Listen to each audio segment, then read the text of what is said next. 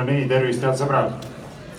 suur tänu, kes te olete kõik tulnud siia järjekordselt hoolimata viletsast ilmast ja hoolimata tõsiasjast, et me oleme juba ligi kümme korda käinud siin Stenbocki maja ees meelt avaldamas, ilma et keegi seal majas oleks pidanud vajalikuks kõige vähemalgi määral meiega dialoogi astuda. et eks see räägib ka selle seltskonna kohta nii mõndagi, kui kõik protestid, absoluutselt kõik inimeste mured lähevad kurtidele kõrvadele. Null, null huvi, null valmisolekut midagi kuulata, midagi arutada. nimetage seda demokraatiaks, kui soovite, mina nimetaksin seda mõne teise sõnaga. Nüüd, mis ma oskan öelda algatuseks, ma oskan öelda seda, et väga raske ongi juba midagi siin ausalt öeldes mõttekat rääkida, et peaks tulema justkui lavale pidama mingisuguse kõne. aga mida sellest kõnes rääkida, mida sellest kõnes rääkida, kui kõikidest asjadest on juba niivõrd palju kordi räägitud. kõik argumendid on esitatud, kõik faktid on esile toodud. aga kedagi lihtsalt ei huvita. noh, alustame siis jälle aasta joost, alustame sellest, et me näeme, kuidas valitsuse eelmise niinimetatud teadusnõukoja juht Irja Lutsar käib nagu rikkis grammofon ringi ühest stuudiost teise ja räägib igal pool kogu aeg sama juttu, et tema küll ei saa aru, mis eesmärki need piirangud, ennekõike see vaktsiinipasside süsteem enam meie ühiskonnas teenib. Irja Lutsar, mitte mina, mitte keegi lamemaalane nii-öelda mitte keegi ekstremist, Kremli käsilane, äärmuslane. Irja Lutsar, Tartu Ülikooli professor, valitsuse teadusnõukoja eelmine juht ütleb, et nendel piirangutel ei ole meie ühiskonnas enam mõnda aega juba mõistuspärast alust. tõsi, mina ütlen, et nendel ei ole ka mitte kunagi olnud mõistuspärast alust, nagu me kõik ütleme sellepärast, et me teame väga hästi, et Rootsi näiteks ei ole selliseid piiranguid jõustanud ja nende olukord viiruse levikuga seonduvalt ei ole sugugi halvem kui Eestis, vastupidi, olukord on parem. teisisõnu, seda süsteemi ilmselgelt pole kunagi vaja olnudki. aga fakt on see, et Irja Lutsar räägib pikemat aega järjepidevalt ühte sama juttu, et vaktsiinipasside süsteem on ilma mõistuspärase aluseta. see ei ole viiruse leviku tõkestamise seisukohast vajalik, see ei ole haiglakoormuse leevendamise seisukohast vajalik. see on lihtsalt poliitilise kontrolli, inimeste kiusamise ja ahistamise ja survestamise, inimeste türanniseerimise vahend. Ja seda ta tõepoolest on. Irja Lutsar muidugi neid sõnu ei kasuta. aga see sõnum, mis on ju tema poolt palju kordi kõlama pandud, on seesama. et loomulikult on kahju, et Irja Lutsar ei väljendanud sama mõistuspäraseid seisukohti siis, kui ta veel oli teadusnõukoja juht ise. aga sellest hoolimata on tänuväärne, et ta seda nüüdki teeb ja ma arvan, et selles osas nagu inglased ütlevad, give credit where credit is due, võib talle ka õigusega tunnustust avaldada. aga tundub, et viimased enam-vähem, kes ei saa aru sellest, et need piirangud oleks vaja kiiremas korras tühistada, ongi need inimesed, kes istuvad esiteks selles majas ja siis loomulikult nende käsilased meedias kes teatavasti, eks võtavad raha, need väljaanded, mis võtavad raha vastu valitsuselt. ja siis vastutasuks ka räägivad seda juttu, mis on valitsusele meelepärane. Ja loomulikult ka ründavad neid inimesi, kes on siis valitsuse jaoks ebamugavad, et. et eks see umbes niimoodi vist toimub Venemaal ja näeme, et Eestis ei ole see pilt väga erinev jah, ütleme detailides on loomulikult olemas erinevused, aga mingisugused punased jooned mis jooksevad läbi, on äh, ühesugused. nii et selgelt mõistusvastaseid piiranguid hoitakse jõus kangekaelselt, eks. Pooled valitsuse ministridki ütlevad juba, tunnistavad, eks, populistlikel kaalutlustel või mitte, aga ikkagi tunnistavad, et äh, nendel piirangutel ei ole enam mõistuspärast alust, et need tuleks tühistada sellest hoolimata valitsus ei tühista neid piiranguid. Kaja Kallas nagu jonnakas väike tüdruk jonnib, ütleb, et ei, mina ei luba teil kohvikusse minna, sellepärast et teie ei kuule minu sõna. mina ei luba teil teatrisse minna, mina ei luba teil spordiklubisse minna. Ma ei luba teil vabariigi aastapäeval peredega restorani minna, sellepärast et teie ei ole olnud mulle kuulekad. kas ma liialdan? kas ma kirjeldan seda kuidagi viisil, mis ei ole tõepärane? ei ole, on ju nii, reaalselt. ühtegi mõistuspärast argumenti ei ole. mitte keegi ei ole mitte kuidagi vähegi veenval viisil suutnud ära näidata, kuidas need, nende piirangute säilitamine on põhjuslikus seoses viiruse levikuga või ka haigla koormusega. Eks Mari-Anne Härma, Terviseameti juht, hiljuti, nägite seda Esimeses stuudio eetris, ma tegin ise ka väikese klipi väljavõtte sellest, tunnistas täiesti avalikult, kui küsiti, kas meil on tegelikult faktipõhine teaduslik teadmine, milline meil oleks olukord, kui meil ei oleks neid piiranguid jõus. just ei, ega me tegelikult täpselt ei tea. saatejuht küsis, kas me lihtsalt usume, et nendest on kasu ütles, et nojah, et põhimõtteliselt, et meil on mingid kaudsed andmed ja teiste riikide kogemused ja. Aga huvitav, et Rootsi riigi kogemus mitte midagi ei maksa, eks. et, et teiste riikide kogemusest rääkides. aga fakt on see, et usutakse. fakte ei ole, andmeid ei ole. võtame näiteks sellesama vaktsiinipasside ettenäitamise kohustuse välitingimustes toimuvatel üritustel, mis nüüd suure hädaga lõpuks tühistati. sest muidu oleks kohus öelnud, et need on ebaseaduslikud ringkonnakohus. Terviseamet on kohtusaalis minu juuresolekul tunnistanud, et neil ei ole informatsiooni mitte ühegi välistingimustes toimunud avaliku ürituse kohta, mis oleks kujunenud märkimisväärseks viiruse leviku koldeks. null. mitte ühtegi juhtumit. ei Tartu maraton eelmiselt aastalt, ei ükski suvine üritus, ei ükski kevadine üritus. mitte midagi, mitte ühegi ürituse kohta mitte mingit sellist faktilist infot ei ole. ometi eks pannakse vaktsiinipasside süsteem kehtima, et inimesed ei saaks nendel üritustel osaleda. no see on türannlik, mõistusevastane ja kiusajalik, koolikiusajalik käitumine. et seda on ka palju kordi öeldud, aga Kaja Kallas käitub meie riigis esikooli kiusajana. lihtsalt selle erinevusega, et koolikiusajad kiusavad ühte, kahte või kolme inimest, tema kiusab sadu tuhandeid inimesi. ja selle erinevusega muidugi ka, et koolikiusajate ei ole käepikendusena kasutada jõustruktuure.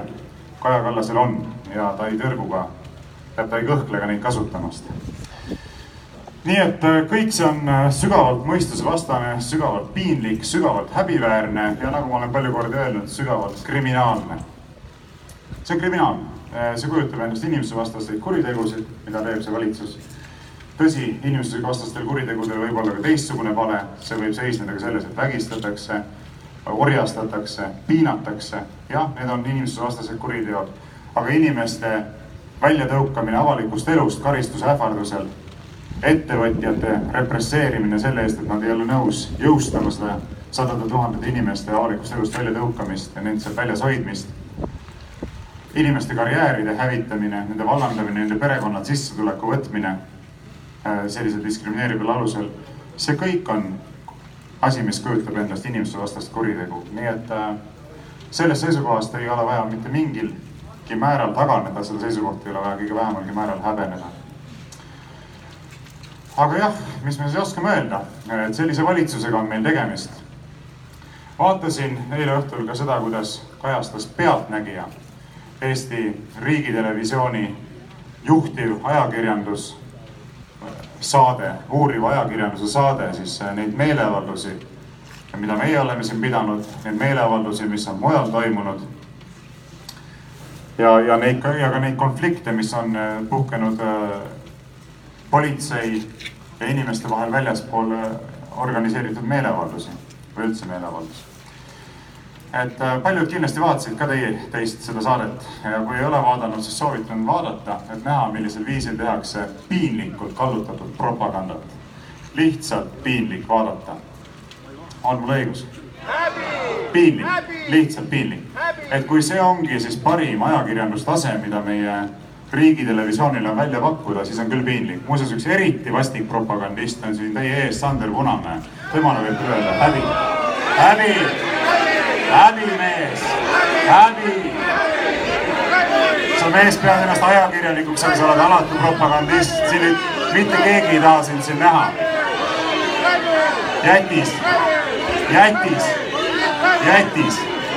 too minema siit, too minema siit. sa ei ole siin teretulnud, sa oled propagandist, sa oled provokaator, mine minema kui sa ei lahku siit vabatahtlikult, siis peab olema politseil sind siit viimane viia, sest sa ei ole ajakirjanik, sa oled provokaator. palun lahku.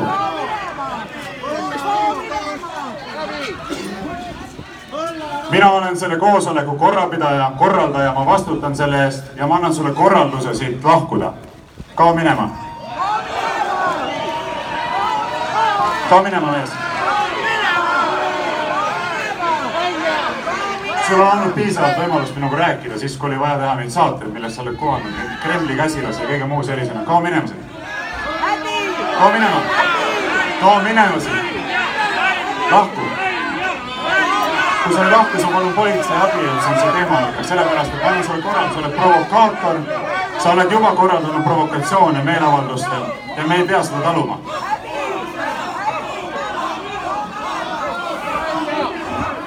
kao minema, mees. Läbi.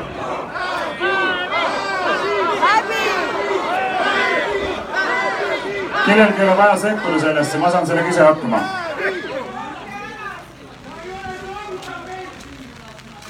kellelgi ei ole vaja sekkuda sellesse, ma saan sellega ise hakkama. mina korraldan seda piketti, mina vastutan selle korraldamise eest. minul selle korraldajana on seadusest tulenev õigus nõuda, et provokaatorid lahkuksid siit. Ja ma praegusel hetkel kordan seda palvet, mida ma olen juba korduvalt esitanud, palun lahkuda provokaatoritel, mind ei huvita. ja kui sa ei kuula korraldusi, mis on seaduspäraselt antud, siis ma palun politseil jõustada seda, see on ka seadusega ette nähtud. See on nüüd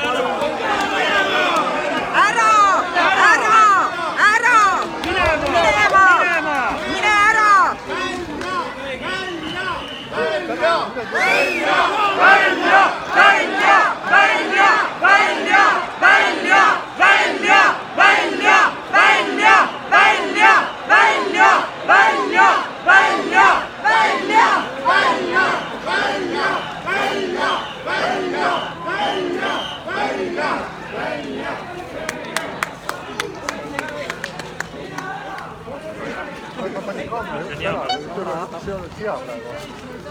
ma ei ole väikegi võtnud. palun lahkuda selle piketi territooriumilt. meil on registreeritud meeleavaldus, see toimub sellel territooriumil siin. ja ma palun korraldajana lahkuda siit provokaatoritel.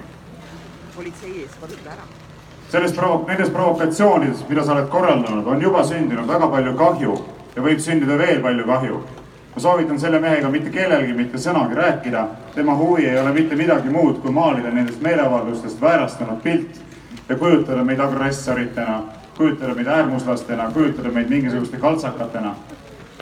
me ei pea lõputult tolereerima seda, kuidas mingid provokaatorid, ideoloogilised aktivistid esitlevad ennast ajakirjanikena ja siis arvavad, et neil on kõik lubatud. ei ole lubatud. minema siit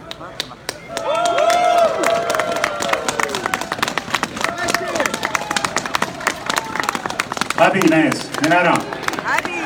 häbi. häbi, häbi, häbi, häbi, häbi, häbi, häbi, häbi, häbi, häbi.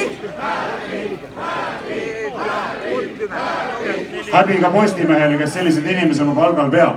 häbi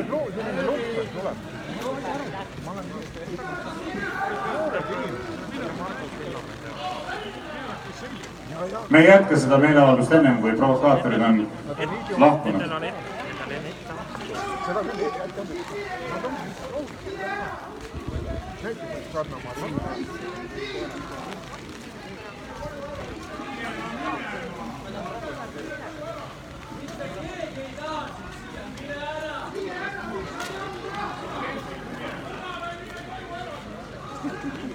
ma tahan kohe näha hakata.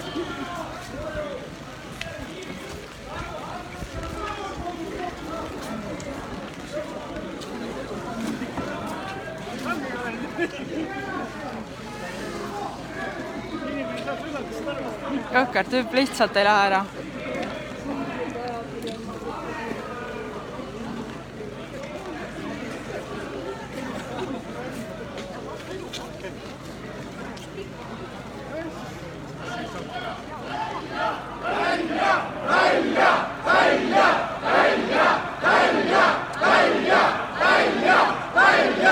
välja, mees! häbi! me ei talu propagandiste oma üritustel. Hakka ajakirjanikuks, palu vabandust ja siis räägime edasi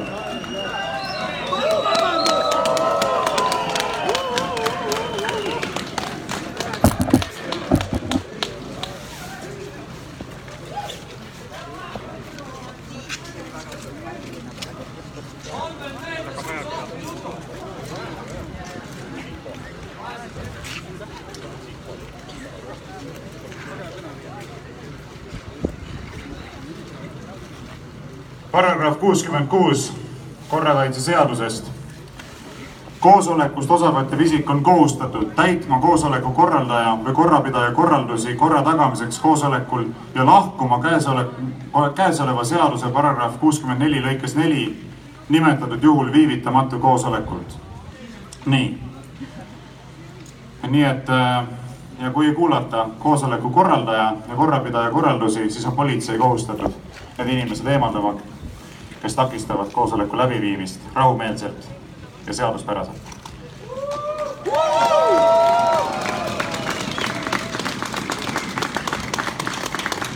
kui juba sellest mehest juttu tuli, siis tuletame meelde mõne nädala tagust meeleavaldust seal Rüütelkonna maja ees.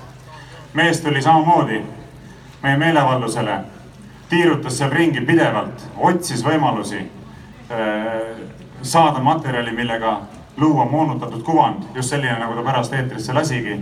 meie meeleavaldusel ta seda ei saanud, küll aga sai ta pärast selle Toompea tänavalt. esitades kogu seda asja täiesti tõde moonutavalt, sidudes selle minu kahekümne kolmanda oktoobri meeleavaldusel tehtud üleskutsega kodaniku allumatusele, millel ei ole mitte midagi pistmist üleskutsega konfliktidele politseiga nagu vähekenegi poliitilises filosoofias orienteeruv inimene peaks aru saama. Võib Vikipeediast järgi vaadata, kui võimed rohkem ei luba.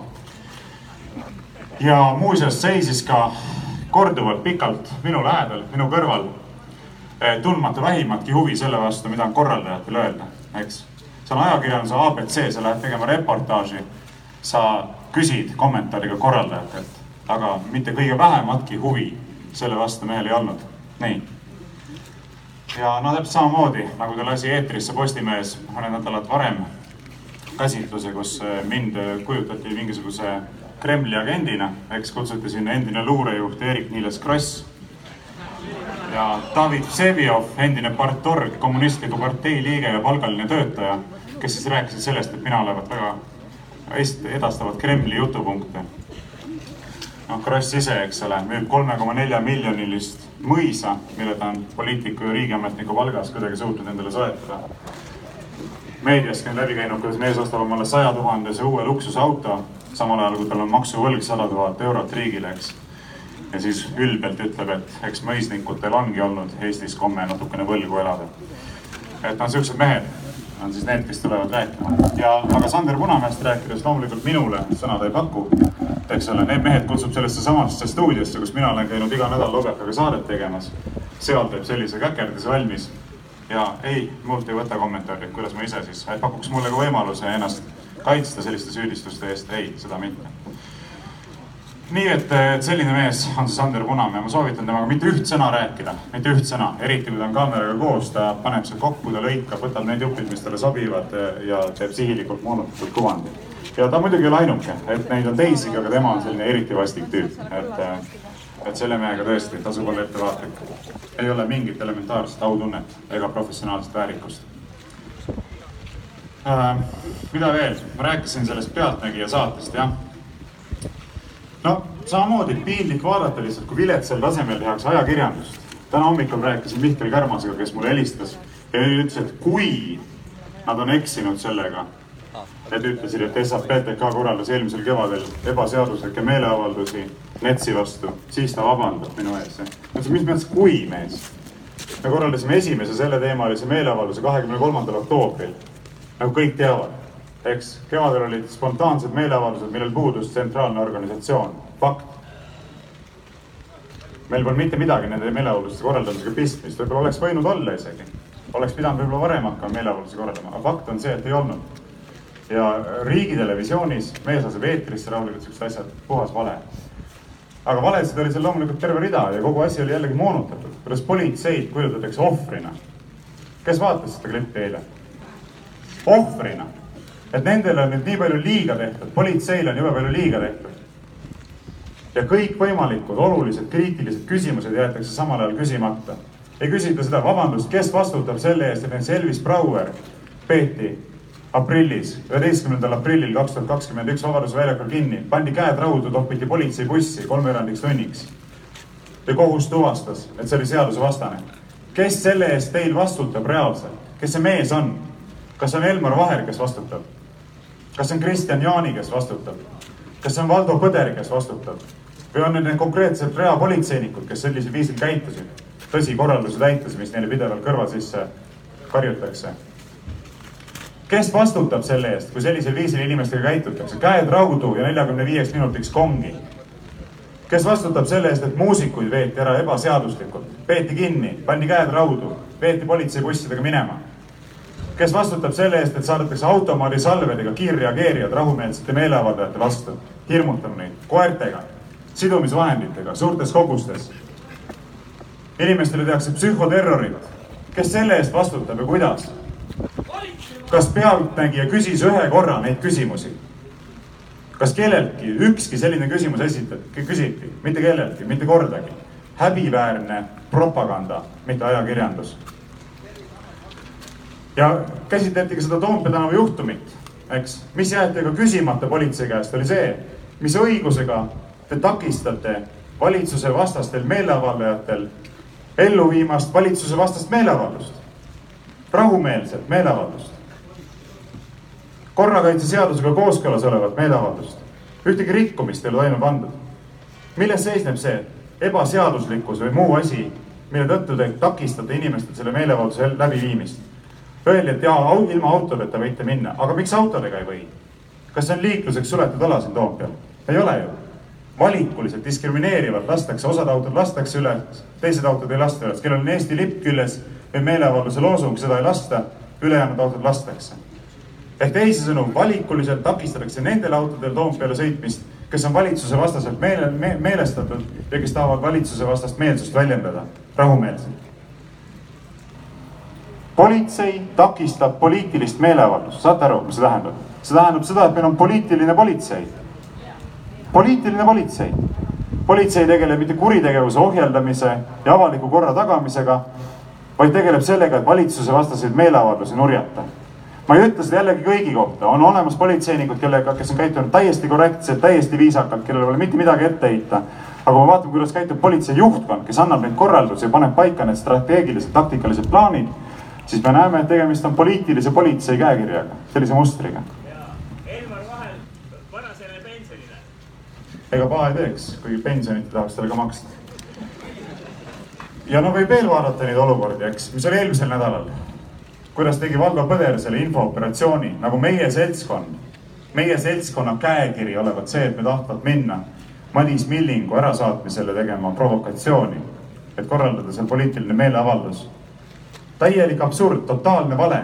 siis tuleb politsei suurte jõududega välja, et meedia muidugi kuulutab, et politsei hoiab silma peal ja politsei hoiab ära provokatsiooni ja pärast kuulutab, et noh, näete, hoidsime ära inetu provokatsiooni onju, kuigi kogu asi oli ise välja mõeldud kogu oht, kogu probleem oli ise välja mõeldud ja lahendati probleeme, mida tegelikult ei eksisteerinudki. kogu operatsioon samal ajal teenis seda eesmärki, et kujutada meid selliste inimestena, kes on valmis selliseid asju tegema ja kes plaanivad selliseid asju teha. häbiväärne, matslik, madal käitumine lihtsalt politsei poolt, politsei juhtkonna poolt, ma rõhutan veel kord. ma ei taha seda öelda kõigi politseinike kohta, kaugeltki mitte.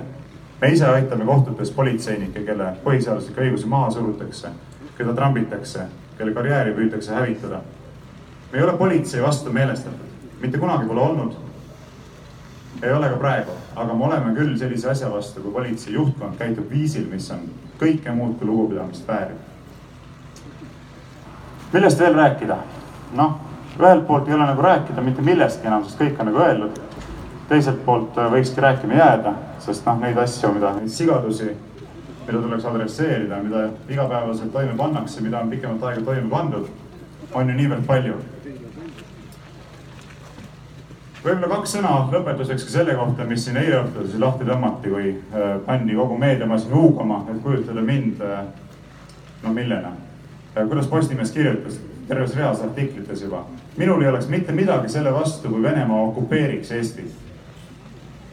no täielik totaalne absurd mitte kuskil ma ei ole mitte midagi sellist öelnud. ja ma olen rääkinud nendel teemadel, aga sellist seisukohta mina väljendanud mitte kusagil ei ole. mul ei oleks mitte midagi selle vastu, kui Venemaa okupeeriks Eestit. loomulikult mul oleks vägagi palju selle vastu, kui Venemaa okupeeriks Eestit. see, millest me rääkisime Markusega eilses saates, oli ajendatud sellest samast tegevusest, mida see valitsus ise on toime pannud, kehtestades apartheidirežiimi türanniseerides inimesi, ahistades inimesi, kiusates inimesi, tõrjudes nad avalikust elust välja, tehes neist teise klassi kodanikud. ja me rääkisime väga selgelt sellest, et kui valitsus käitub sellisel viisil, siis ei maksaks olla üllatunud, kui inimesed ütleksid, et meil ei olegi väga suurt probleemi enam sellega, kui siin kehtestuks mingisugune teine võim, eeldusel, et see teine võim austaks põhiseaduslikke õigusi, austaks riigikorralduse aluseks olevaid printsiipe, eks, õigusriigi printsiipi, demokraatliku riigikorralduse printsiipi, kõiki neid asju. Eeldusel, et kas meil on selline Venemaa olemas, kes neid printsiipe austab? ei ole. see on teoreetiline konstruktsioon, sellist Venemaad ei eksisteeri, mis austaks õigusriikluse printsiipe, demokraatia printsiipe, austaks kodanike põhiseaduslikke õigusi enamal määral kui Eesti Vabariigis seda tehta, teha, tehakse, tehakse. seda ei ole olemas. nii et jutt oli väga selge, et kui oleks selline olukord ja samal ajal valitsus ise käitub sellisel viisil, siis ei maksaks väga üllatuda, kui inimestel ei olekski enam võimuvahetuse vastu midagi. seda, et mina oleksin väitnud, et mul ei ole midagi selle vastu, kui Venemaa tuleks, okupeeriks Eesti, puhas väljamõeldis, puhas vale. ja selle vale pärast ma kaeban Postimehe kohtusse. ja ma olen täiesti kindel, et ma ka võidan, sest seda lihtsalt ei ole võimalik kaotada. see ei ole muidugi ainult Postimees, seal on ka Delfi, kes täpselt samasugust sõnumit jõustab, seal on Õhtuleht. Et peab lähemalt vaatama, kes ja mida teeb, aga lihtsalt kuskilt läheb ka piir, millest alates alatus, reaalne alatus on vastuvõetamatu, lihtsalt on vastuvõetamatu. nii, et, et olgu see asi ka väga selgelt öeldud, aga tõepoolest olukord, kus see valitsus isegi vabariigi aastapäevale läheb tuimalt vastu sedasi, et ta jätab sajad tuhanded inimesed avalikust elust välja tõrjutuks. ei luba meil perekondadega isegi vabariigi aastapäeval minna kohvikusse, et riigi sünnipäeva tähistada.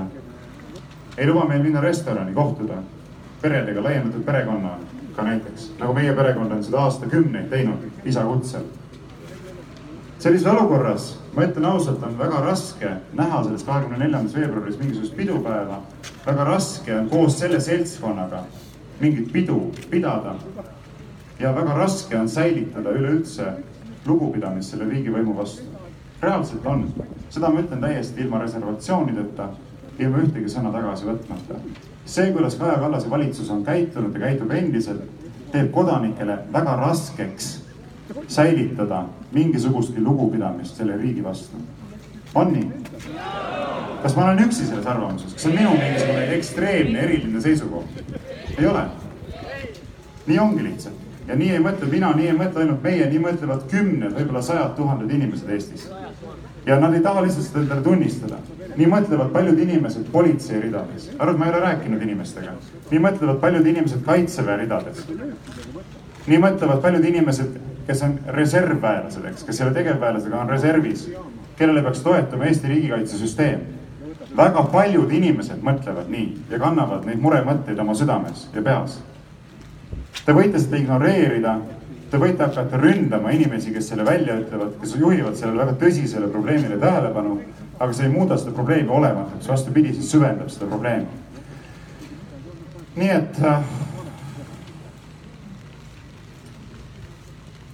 nii et rohkem mul ei olegi midagi öelda. Kõik, aitäh teile tulemast, aitäh teile kuulamast, vastupanu ei lõppe ennem kui lõpeb see apartheid, aitäh.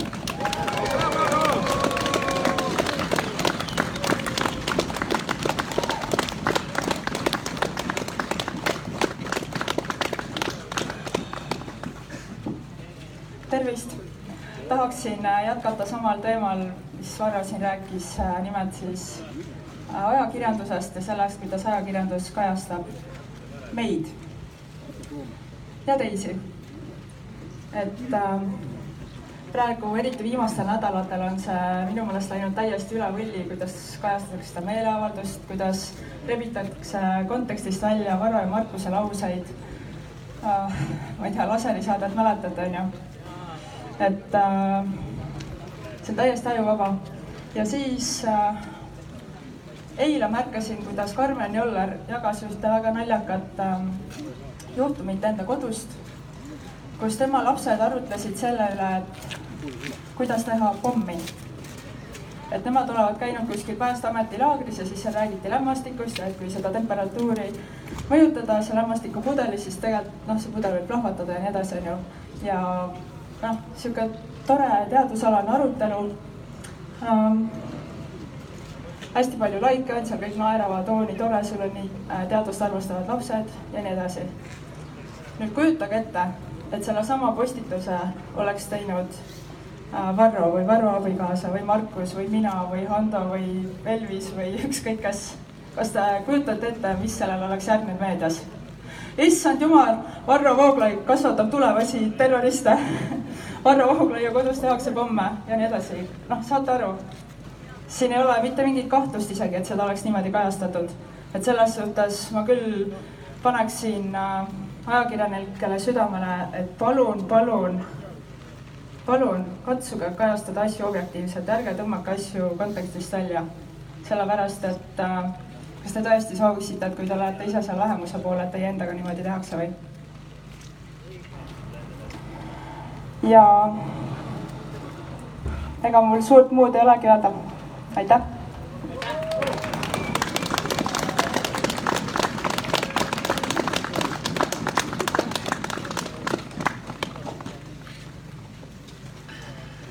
austatud sõbrad, üheksa korda oleme me siin äh, Stenbocki maja ees viibinud ja oma põhiseaduslikke õigusi taga nõudnud ja mitte mingisugust tulemust sellel ei ole olnud.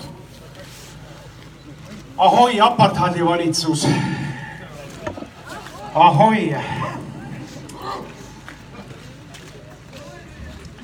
silmakirjatsejad ja valetajad olete te. sellepärast, et siis, kui on vaja neljakümnelt protsendilt inimestelt võtta ära nende põhiseaduslikud õigused kiusata neid taga avalikult, meedias laimata, sildistada, siis te teete seda ilma igasuguse probleemita. aga siis, kui on vaja vastust anda, siis te varjute meie rahvuslipu ja trikoloori taha, varjute riigistruktuuride taha ja ütlete, et see ongi meie armas riigikene, see ongi meie armas Eesti. ei ole see ei ole meie Eesti, see ei ole meie poliitika, mida me tahame siin näha, see on teie nomenklatuurne Eesti, Kaja Kallas. see ei ole meie Eesti. silmakirjatsejad olete te seal majas, sellepärast et äh, siis, kui äh, on vaja Brüsseli diktaati täita, olete te vastu võtmas praegu seadust, millega ässitatakse inimesi teineteise vastu välja. pealekaebamise seadust, millele ko kohalik ametnikkond on kirjutanud poole veel juurde. niimoodi, et ässitada inimest inimese vastu, kodanikku kodaniku vastu ja teha meie töökeskkondadest mingisugused Nõukogude Pavlik Morozovlikud keskkonnad. ja siis, kui teie käest üritatakse aru pärida, siis jälle uuesti varjute te meie rahvuslipu ja trikoloori taha ja ütlete, et see ongi meie armas riigikene. niimoodi me peamegi tegema. ei, ei pea, see ei ole meie riik niimoodi, see ei ole meie Eesti, mis niimoodi peaks tegema. ja silmakirjatsejad olete te, sellepärast et siis, kui on vaja neljakümnele protsendile inimestele anda tagasi nende põhiseaduslikud õigused, siis te jonnite nagu väike pisikene jonnakas mõisapreili. aga siis, kui on vaja mingisuguse Euroopa direktiivi toel võrdse kohtlemise seadust, kujutate ette, võrdse kohtlemise seadust edendada jällegi niimoodi, et kodumaine äh, ametnikkond Sotsiaalministeeriumist on Äh, poole sellele direktiivile juurde lükanud. see direktiiv ise ei nõua kõike seda, aga meie kodumaine ametnikkond on sellisest orjameelsest kupja mentaliteedist lükanud sinna veel poole juurde. nii, siis tulete te jälle rahvustrikoloori taha ja ütlete, et see ongi meie väike pisikene Eesti ja kes selle vastu räägib, on Eesti riigi vastu. vale, see on vale Te üritate Eestis teha mingisuguse õuduse. Te üritate Eestist luua omaenda näojärgse diktatuurliku režiimi ja siis need inimesed, kes tulevad selle vastu protesteerima, neid nimetate Eesti riigi ja Eesti rahva vaenlasteks. häbi teile!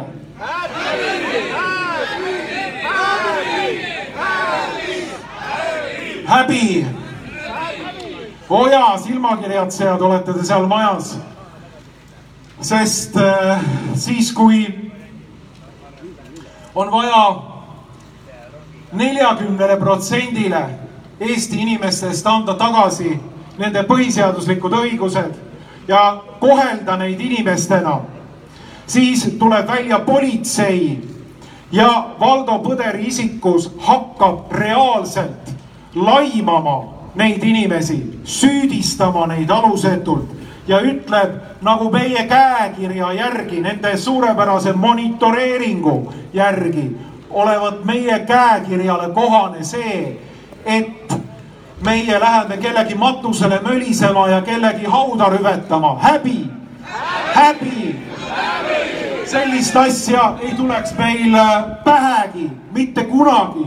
aga Valdo Põder on tsiteerinud, võtnud ühe postituse, tsiteerinud seda valikuliselt, siis löönud käed laiali ja öelnud, et ohoo, küll on hirmus, kuidas see võimalik on, mis nende inimeste peas küll toimub Kuku istuli, milline labane provokatsioon tegelikult omaenda rahva vastu. kuidas te hommikul vaatate peeglisse, kui teil selline peaks üldse olema, austatud härra Valdo Põder? peale sellist valetamist, peale sellist jama. me oleme olnud siin alati kodaniku väärikust esindaval viisil me oleme alati hoidnud avalikku korda, meil on isegi avalikud korrapidajad siin vestidega. mitte ühtegi korra rikkumist ei ole siin olnud. politsei on peale viimast rüütelkonna meeleavaldust ise ka provotseerinud rahvast, tõmmanud inimese sinna maha ja lasknud talle koerad peale. mis asi see on? miks härra Valdo Põder, nii nagu te eelmisel korral ka võtsite muuseas vastutuse sellest operatsioonist. miks meie kodanikud oleme vaata et peaaegu ainukordselt näinud politsei kiirreageerijaid omaenda rahva vastu. kiirreageerijad peaksid olema põhimõtteliselt need, kes mingisugust, ma ei tea äh,, äh, maffiajõuku äh, relvastatud kuritegijaid võtavad kinni mitte ei ole siia tulnud selleks, et omaenda rahva vastu hirmutada ja me ja valitsuse vastu meelt avaldavaid inimesi äh, kuidagi maha suruda. see on lihtsalt häbiväärne tegevus, härra Valdo Põder, kui te juhtute mind siin nüüd kuulama, kui ei juhtu, siis kuulake Fookuses saadet, sedasama saadet, mida eile meedia üritas äh, kõverpeeglisse panna, kus me rääkisime siirast valutundest, et see riik, mida, mille taha, mille sinimustvalge lipu taha teie olete omaenda inimvaenuliku režiimi peitnud, et see riik on moondunud millekski monstruoosseks, see on moondunud mingisuguseks koloniaalvõimuks. see on väga valus tõdemus, seda ei ole kerge välja öelda ma tahaks selle lipu ees põlvili langeda ja seda lippu siiralt austada, ma tahaks omaenda maavalitsust austada. ma tahaks, et meie Eestis oleks inimesed ka politsei ja eriorganisatsioonide äh, juhtide juures ja juhatuses, kes töötavad siiralt oma rahva kasuks. aga ei, mida meie oleme näinud? me oleme näinud seda, et nii politsei juhtkond kui ka valitsus ise on tekitanud inimvaenuliku režiimi ja teinud politseis selle inimvaenuliku režiimi koerad. see ei ole vastuvõetav ja silmakirjatsejad olete te seal majas.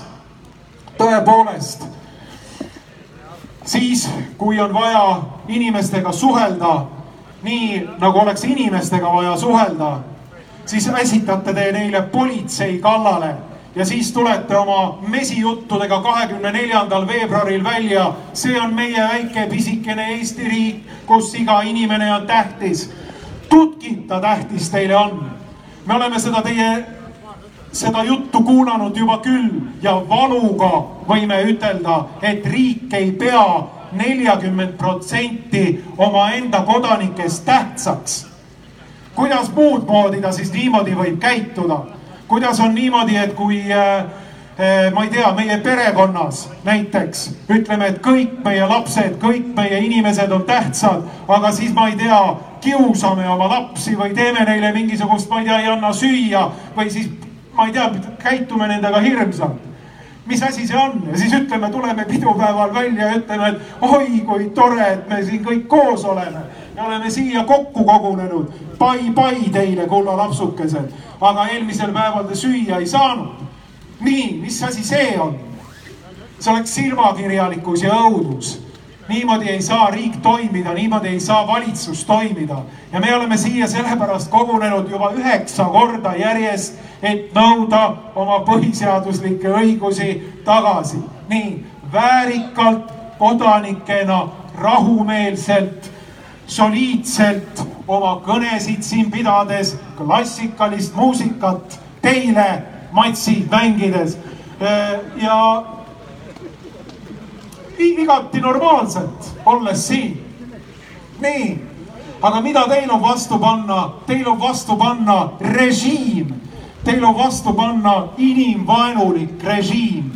Ja seda me ei unusta, seda me ei unusta ja seda teeb valitsus, liberaalne valitsus, Kuku istuli, ennast liberaalseks nimetav valitsus, et kohv teile seal majas kurku kinni jääks ja mõned küpsised ka veel. mitte, et ma tahaks, et te lämbuksite, ei, köhige, köhige välja see, aga te peate aru saama, et rahvas ja inimesed on närvi aetud teie enda mõttetu ja inimvaenuliku poliitika pärast. Te saate aru, et inimesed ei usalda omaenda riiki Te saate aru, et inimestele hakkab see monstroosseks, selliseks monstrumiks muutunud riik vastu. loomulikult tehke ometi midagi, et Eesti riigist võiks saada inimnäoline riik, mitte selline monstruoosne olukord, mis siin praegu on. ei, me nõuame oma põhiseaduslikke õigusi tagasi ja me ei lähe siit ära enne ei vihmas, ei tuules, ei lumesajus, ei külmas, ei soojas, kui need õigused on meile tagasi antud. aitab jamast.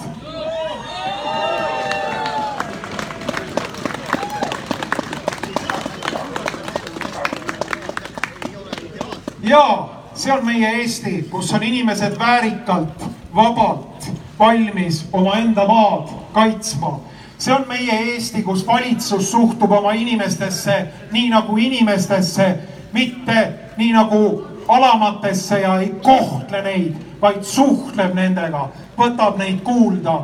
see on meie Eesti, kus iga inimene on tähtis, mitte nii et, et nelikümmend protsenti inimestest lükatakse ühiskonnast välja ja tehakse nägu pähe, nagu mitte midagi oleks juhtunud, mitte midagi oleks juhtunud, kõik oleks hästi.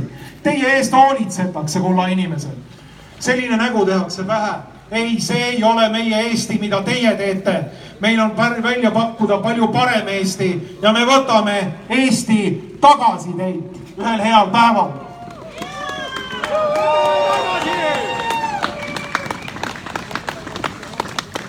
Häbivalitsus välja siit majast. välja, välja, välja, välja, välja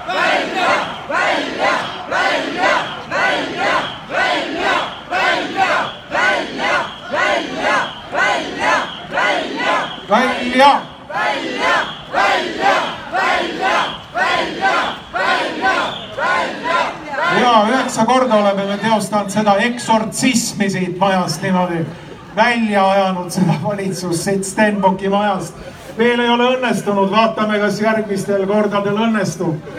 igal juhul ühel hetkel te lähete siit välja ja meie jääme siia Eestisse alles. aitäh teile, head inimesed.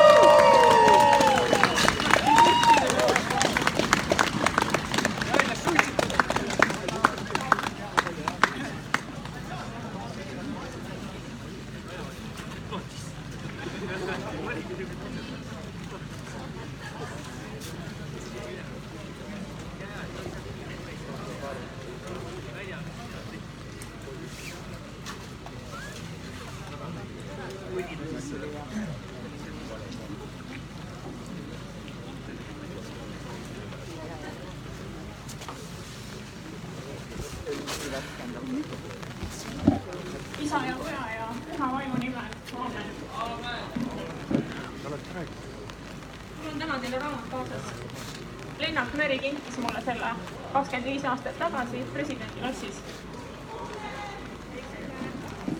kas nüüd kuulete? ma pean siis järelikult hoidma seda sil- äh, suves.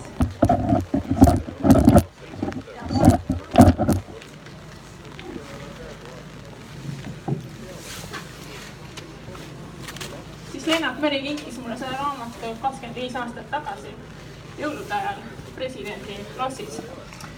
see on taas Johannes Paulus teise Poolas sündinud väga väärika mehe laulurevolutsiooni ajal meie väga suureks eeskujuks olnud paavsti kõnede kogumik, kui ta tuli Eestisse üheksakümne kolmanda aasta septembris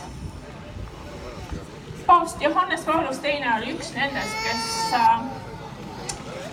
väga-väga põhjalikult võitles selle eest, et austataks inimelu. Ka meie siin praegu oleme ju selleks, et me soovime, et austataks inimelu, et teadva nõusolekuta ei pandaks mingeid eksperimentaalseid aineid, et põhiseadust austataks. kahjuks nii ei ole.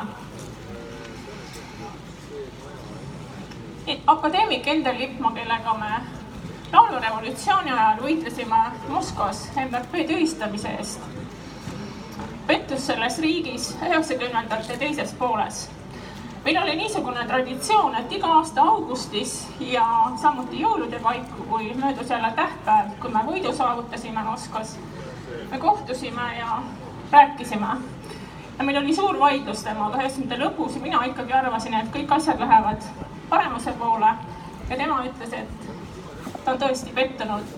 režiimid muutuvad, kahjuks inimesed, inimeste moraal ei muutu, see, mis me praegu näeme, me näeme seda, kuidas kommunistide üles kasvatatud põlvkond märatseb vaba Eesti vastu ja ärge tulla mul, ärge tulge iialgi mulle kes ma ainsana Balti riikidest võtsin vastu otsuse Moskvas Valges Majas augusti ajal, et ma annan oma elu kahekümnenda augusti õhtul.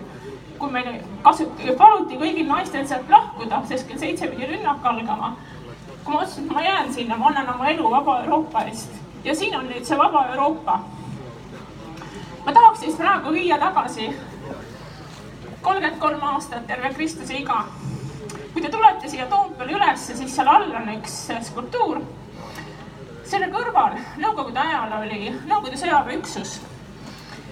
Ja täpselt kolmkümmend kolm aastat tagasi, veebruaris järgmine aasta, meil on Eesti, järgmine nädal meil on Eesti Vabariigi iseseisvuspäev. kahekümne neljanda veebruari hommikul kakskümmend üheksa ma läksin sinna seisma, mul ei olnud mingeid erilisi tundeid, Nõukogude võim oli endiselt Eestis ja okupatsioon kestis, aga sellel päeval tõsteti Eesti lipp siis esimest korda tagasi peale okupatsiooni, okupatsiooni ajal sinna Hermanni torni.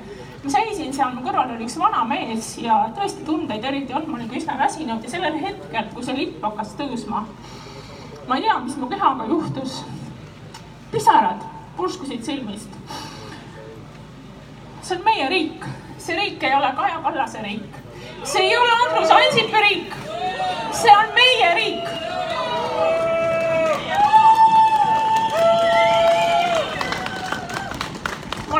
Iga kuu korra sõna võtnud, olen teile rääkinud päris jubedaid lugusid teadva nõusolekuta ainete manustamisest, väga ohtlike ainete manustamisest Eesti haiglastes Nõukogude väga halva traditsiooni jätkuna ja sellest, kuidas kahe tuhande üheksanda aasta sügisel mõrvati Põhja-Eesti Regionaalhaiglas kahekümne kuue aastane inimene, kellele endine kommunistarst Aadu Liivat, kes ei olnud tema raviarst, oli andnud kohutavaid aineid. Vahetult ka peale seda, kui ta otsustas haiglast ära minna, manustati talle halaberitooli, mida Washington Posti järgi sisestatakse, sisestati nõukogude ajal poliitvangidele ja see toimub siin vabas Eestis. kas selline on Eesti riik? ei ole. ja mida tegi Eesti riik, mida nad kõige rohkem praegu kardavad? Te olete näinud, kuidas ma olen rääkinud siin kahel korral, et Eesti valitsus pettis Euroopa Inimõiguste Kohut Sotsiaalministeeriumis, Terviseametis kommunist Peeter Marna valmis võltsitud ajusurma paberiga ja Eesti Vabariigi Välisministeerium pettis ka Inimõiguste Kohut väitega, et teadva nõusoleku äh, paberit ei olnudki nii väga vaja, sest oleks võinud vaadata internetist oma kontolt. kaks tuhat üheksa mingit kontot polnud ja me peame nõudma seda, et ka kõigi nende Covid hukkunute osas Eesti riik teeks lõpuks auditi haiglates, kas on antud inimestele jätkuvalt ohtlikke aineid, nagu mullu suvel minu käes olnud toimikust äh,, toimikust selgus, kas me nõuame seda auditit? ma olen andnud mitmel korral siis äh, oma panuse Kaja Kallase Facebooki lehel enne tema neid live intervjuusid seekord ta lausa vastas mulle. ma olen talt küsinud, kas ta on valmis tegema auditit, korraldama auditit ja kas ta on valmis vabandama Euroopa Inimõiguste Kohtu petmise eest. kuidas Kaja Kallas vastus?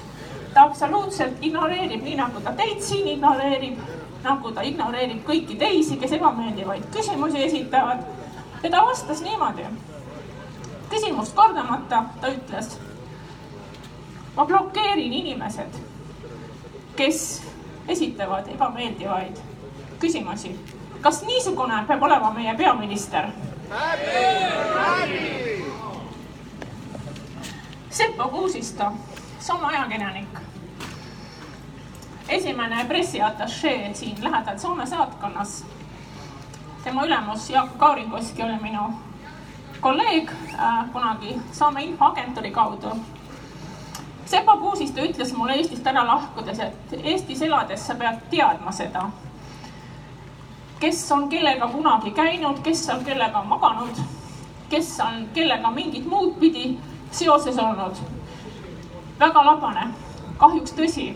näiteks Eesti endine peaprokurör Lavly Perling on nii palju sigadusi korda saatnud, valetanud ja see on see põhjus, miks ta on täiesti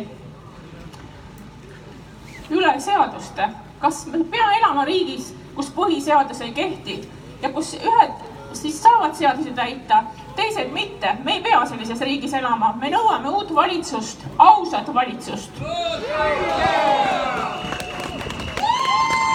selle, selle Sepo Kuusistu tsitaadiga seoses ma tahaks veel meenutada ühte asja Varro on siin korduvalt rääkinud sellest, kuidas ta pöördus kohtusse et saaks ikkagi kõik inimesed, kes tahavad õiguse osaleda Tartu maratonil. ja ta on öelnud, kuidas siis Ants Nõpper, jurist, kes on päris jubedaid arvamusi avaldanud äh, meditsiini kohta väga,, väga-väga jubedaid. kuidas siis Ants Nõpper on siis Varro vastu kohtus valitsuse palgatuna sõna võtnud.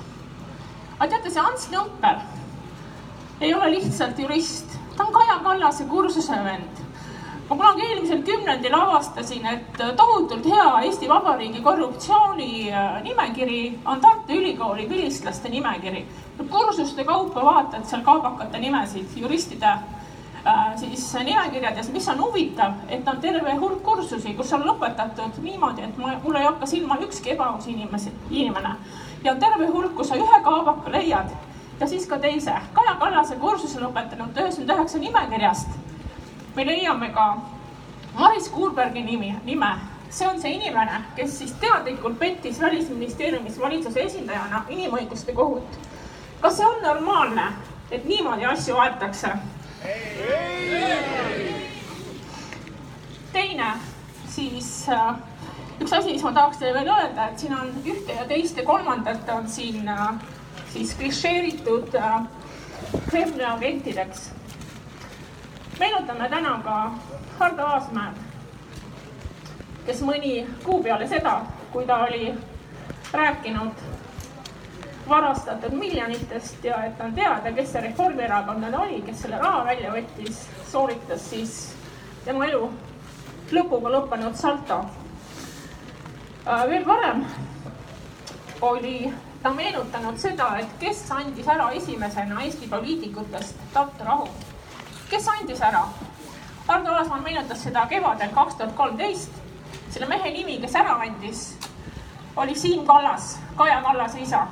tema oli see, kes, kes üheksakümne kuuendal aastal Petroskois Eesti Vabariigis toonase välisministrina äh, loobus Tartu rahust, kohtudes siis Vene välisministri Jevgeni Privakoviga kui ma vaatan, mul on teate liiga hea mälu, see on minu suur probleem, ma mäletan nii palju detaile. ja lihtsalt, kes siis on see KGB agent? Siim Kallas, sina oled reetur. meil ei ole vaja seda Tartu rahu mainida, äh, seda Tartu rahulepingut äh, mainida piirileppes mitte sellepärast, et mina näiteks isiklikult tahaks neid piiritaguseid alasid tagasi. Tartu rahu on ülimalt oluline sellepärast, et see näitab meie juriidilist järjepidevust ja see seadusetus, mille äh, siis äh,, mille panid äh,, millele panid alguse äh, Ansip ja Ilves kahe tuhande viiendal aastal võimu võttes ja kaks tuhat kuus siis tuli Ilves.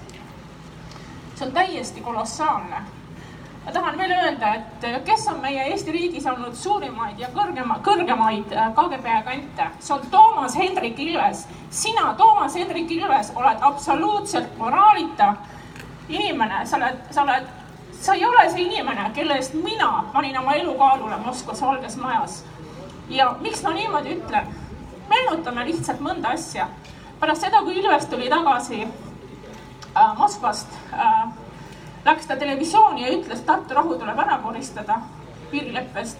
Putin ütles, no tore.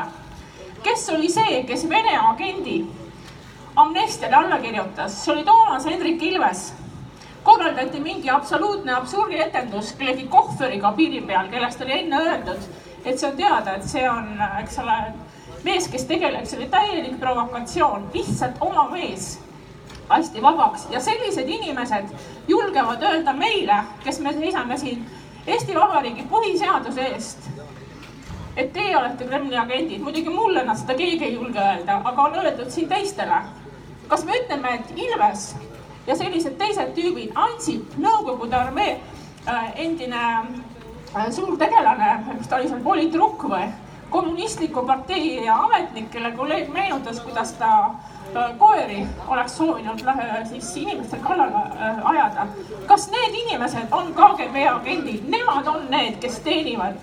Ja ma ütlen, et suuremat KGB agentlust ei ole olemas kui see, et sa tegutsed oma riigi vastu see on minu riik, see on sinu riik, kallis Eesti inimene. see ei ole Kaja Kallase, Ansipite, Pevkurite, Ilveste riik. tahaks veel öelda ühte asja seoses ajakirjandusega, kui nii palju on siin äh, räägitud sellest, kuidas äh, ajakirjandus tegutseb äh, vale fooni loomisel.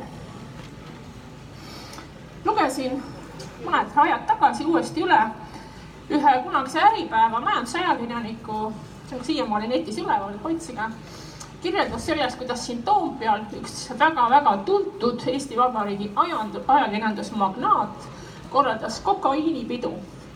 kuskilt mujalt ma hiljem lugesin, kuidas ta oli siis politseile vahele jäänud ja kuidas siis äh, pärast seda ta teebki oma väljaandes seda, et ta aeg-ajalt ründab inimesi täiesti suurte valedega, kes on äh, jäänud sellele süvariigile ette.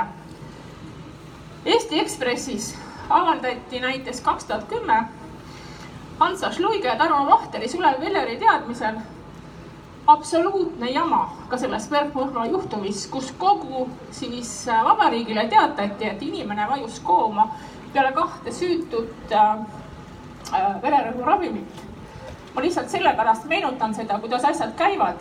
tegelikult see oli absoluutne vale, inimene oli hommikul et ära ei saaks minna uimastatud kõige, kõige tugevama narkootikumiga fentanüül siis, kui tema pere saabudes võeti ära sellelt inimeselt äh, äh, igasugused ühendused, et ta midagi, mille, mitte millegagi enam ei saaks siis uimastada, siis andis doktor Tiiu Paulus Oksana Mranovskajale korralduse manustada vägistamisdroogina tuntud klofeliini, mis ka kunagi need Rootsi ametiühingu tegelased siis ära surmas. klofeliin suures koguses väga kiiresti uimastab inimest.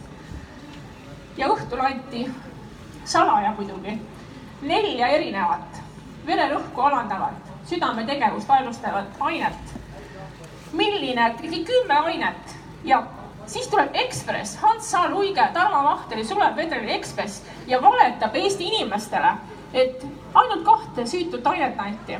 ja teate, see ei juhtu ainult kahe tuhande üheksandal aastal, ma rääkisin teile, kuidas äh, kaks tuhat kaheksateist sügisel Mustamäel tükerdati kaheaastane väikene laps elunditeks. kas te olete kuskil näinud, et ühegi minu nende väite peale on keegi julgenud kas Sotsiaalministeeriumist, valitsusest, Välisministeeriumist öelda, et need ei ole õiged. kui mina midagi ütlen, siis ma ütlen nii, et mul on asitõendid olemas. muide, rahvusvahelises pressis on niimoodi, kui sa ütled midagi suurt, sul peab olema alati kaks sõltumatut asitõendit. ja meil on olemas asitõendid selle kohta, kuidas inimesi vallandatakse Eesti Vabariigist kui nad ei ole allunud sellele meditsiinidiktatuurile, mis meil juba käib siin pikemat aega. Meil on kõigil silme ees need inimesed, kes on ootamatult oma südamega hukkunud. ja kurb on lihtsalt, süda, sügavalt, sügavalt kurb on. ma tahaks veel öelda siin ühe nime, mis on jäänud ütlemata kõigi nende äh, Varro ja Markuse ja paljude teie poolt osutatud rikkumiste üks suur vastane on meil, üks suur-suur petis Eesti Vabariigi Sotsiaalministeeriumist, õigusosakonna juht Helen Tralla. ta on väga vaikselt äh, olnud kuskil äh, peidus, aga tema on väga-väga paljude nende seaduserikkumiste ja nende täiesti, ma isegi ei oska neid sõnu leida, nende täiesti saatanlike sammude taga. olen hoidnud käes määrust, kus Helen Tralla teatab halduskohtule ärge andke luba, et äh, uurida kohtus mitte ühelgi istungil seda võltsingut, mis Sotsiaalministeeriumis siis inimõiguste kohta petmiseks tehti. saate aru, Eesti Vabariigis on sihuke asi võimalik mustvalgel loen. ja mida teeb kohus? liputab saba, tore kohtunik ja ei annagi. kusjuures igalühel on õigus teie elu lõpuni nõuda ebaseaduslike valede väidete ümberlükkamist, lükkamist, sellel ei ole mitte mingisugust äh, siis piirangu tähtaega. Ja mis edasi saab, kui halduskohtu kohtunik liputab saba ja teeb sellise otsuse, saab see, mis Eesti kohtutes väga tihti on juhtunud, ta saab ametikõrgengust Tallinna Ringkonnakohtusse. kas niisugune peab olema Eesti riik? tahan veel öelda, miks ma olen väga-väga soovinud et tehtakse audit. minu käes on ka paberid, kus praegune PERH-i emajuht Liilian Lääts on andnud korralduse manustada inimesele neljakümne kaheksa kordne doos igapäevaselt deksametasooni. salaja hakatigi manustama. ja tema käest käivad läbi ka kõik need siis tema alluvusest kõik need Covid hukkunud. kas meil on vaja auditit, et selliste inimeste juhitud haiglates me saaksime teada, kuidas on need inimesed hukkunud, kas meil on seda vaja? Ma arvan, ma olen pikalt teile rääkinud, ma tahan teile soovida väga-väga ilusat Eesti Vabariigi sünnipäeva. sellest tulenevalt, et see on meie riik. Lennart kirjutas mulle Johannes Paulus teise kohta kunagi siis ka sellise pühenduse parimate soovidega ja soovitusega näha Johannes Paulus teise malbes isikus Euroopa kõige järjekindlamat poliitikut, Lennart Meri.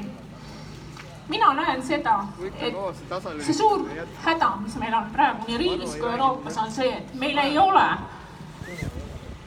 meil ei ole eeskujusid meil ei ole valitsusjuhte, meil ei ole ka kultuuriringkondades inimesi, kes julgeksid astuda ette ja tuletada meelde, mis on see kõige tähtsam. kõige tähtsam on inimeseks olemine.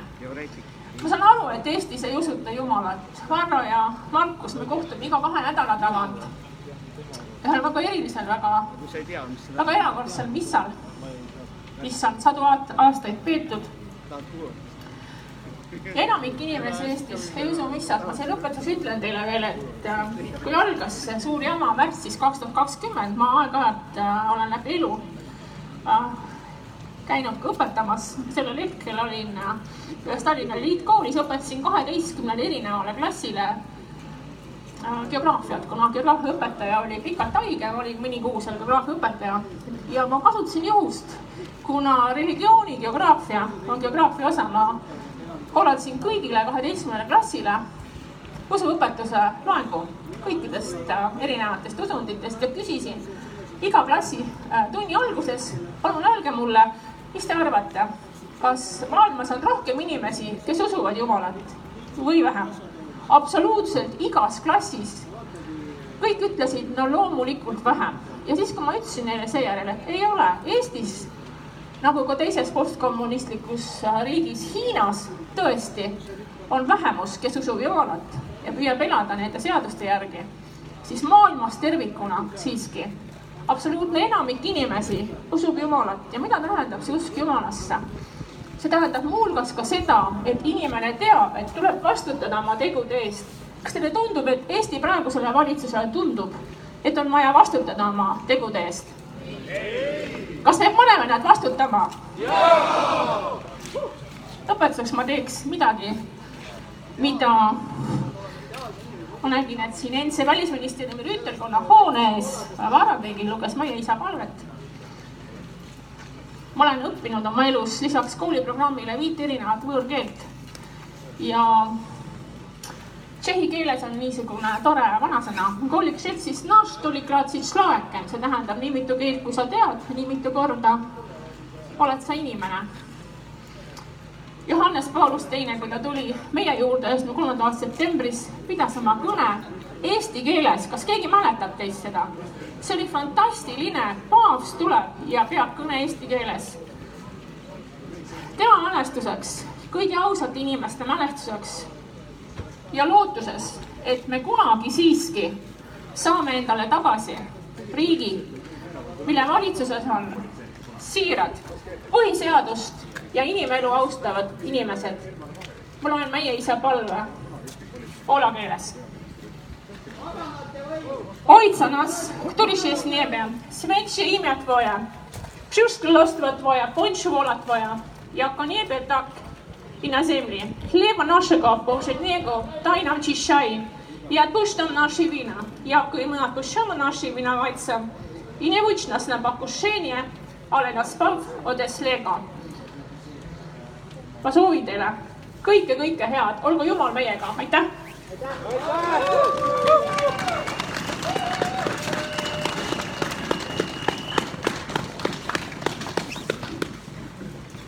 tere!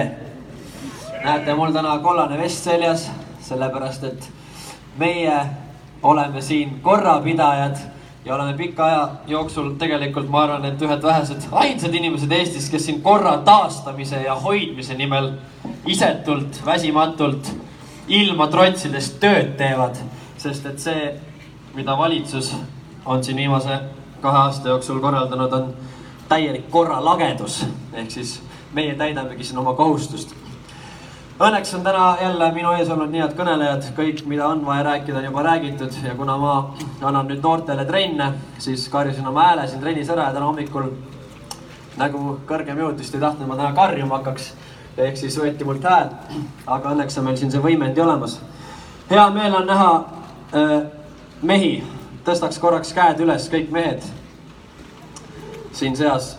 Ja siia järgi ma kohe küsiks, hästi palju on kirjutanud naisterahvad, et tore on tunda, et kaheaastase töö järel, järjepidevuse järel lõppude lõpuks on tunda ka mehelikku energiat.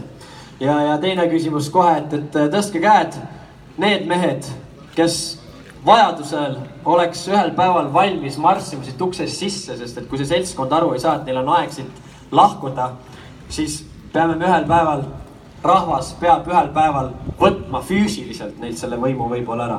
ehk siis, kui paljud mehed oleks nõus marssima sinna sisse, sõltumata tagajärjest, pange need kuussada, kaheksasada, tuhat kongi valmis või mida iganes. sest et kui me siit sisse kõik marsiks, siis mis nad siis teeks? kuhu nad meid paneks? ma mäletan, kui olid ähm, Westmani, Westmani, ja tõstaks need käed korra, jah aitäh, neid on ja see on ainult esinduskoda, onju, mis te arvate, mehed? Mis te arvate, mundris mehed, kas teid kardetakse? ei kardeta, absoluutselt enam. et hirmust on saanud huumor veel kord ja, ja see seltskond siin enam hirmu ei tunne. ma mäletan, kui olid äh, need rahutused äh, Vestmani äri juures seal Pärnu maanteel ja, ja siis toodi neid äh, märatsejaid, toodi liinibussidega. ma elasin kohtumaja kõrval seal Veerenis Tatari tänaval toodi liinibussidega mehi kohale, nipukatega kinni seotud, visati nad kõik sinna äh, bussiangaari siis peeti neid seal kinni, no liinibusside viisi tooti Liivalaia tänavat mööda neid ette. et, et äh, põhimõtteliselt ma olen näinud, kuidas seda asjadega te tehakse. Kuid ma arvan, et kui seekord selline asi peaks juhtuma, siis on neil vaja oluliselt suuremaid, suuremaid angaare või asutusi, et meid kõiki rahumeelseid meeleavaldajaid kinni pidada. sest ega me ei läheks sinna sisse ju märatsema, lõhkuma, laamendama, kaklema nagu nad kogu aeg üritavad väita, et me tahame teha, me lihtsalt jalutaks sinna sisse, sest ma tahaks, mul on juba endal puht sportlik huvi, milline see hoone seestpoolt välja näeb. Riigikogu hoones sain täna hommikul taas kord käia, polnud mingit probleemi, ei pidanud kellelegi näitama oma QR koodi, ei pidanud ette panema maski, ei ole probleemi. politseis sain käia ilma maskita, ei olnud probleemi, on võimalik. närvi jääb see, et ikka tänase päevani saan ma inimestelt kirju et bussidesse ja ühistransport äh,, seal kaubanduskeskuses tehakse inimestele kahesaja euroseid trahve maski mittekandmise eest äh,. arvesse võtmata ühtegi argumenti. et kui inimene ütleb, et äh, auto tuleb selja tagant, igaks juhuks ütlen.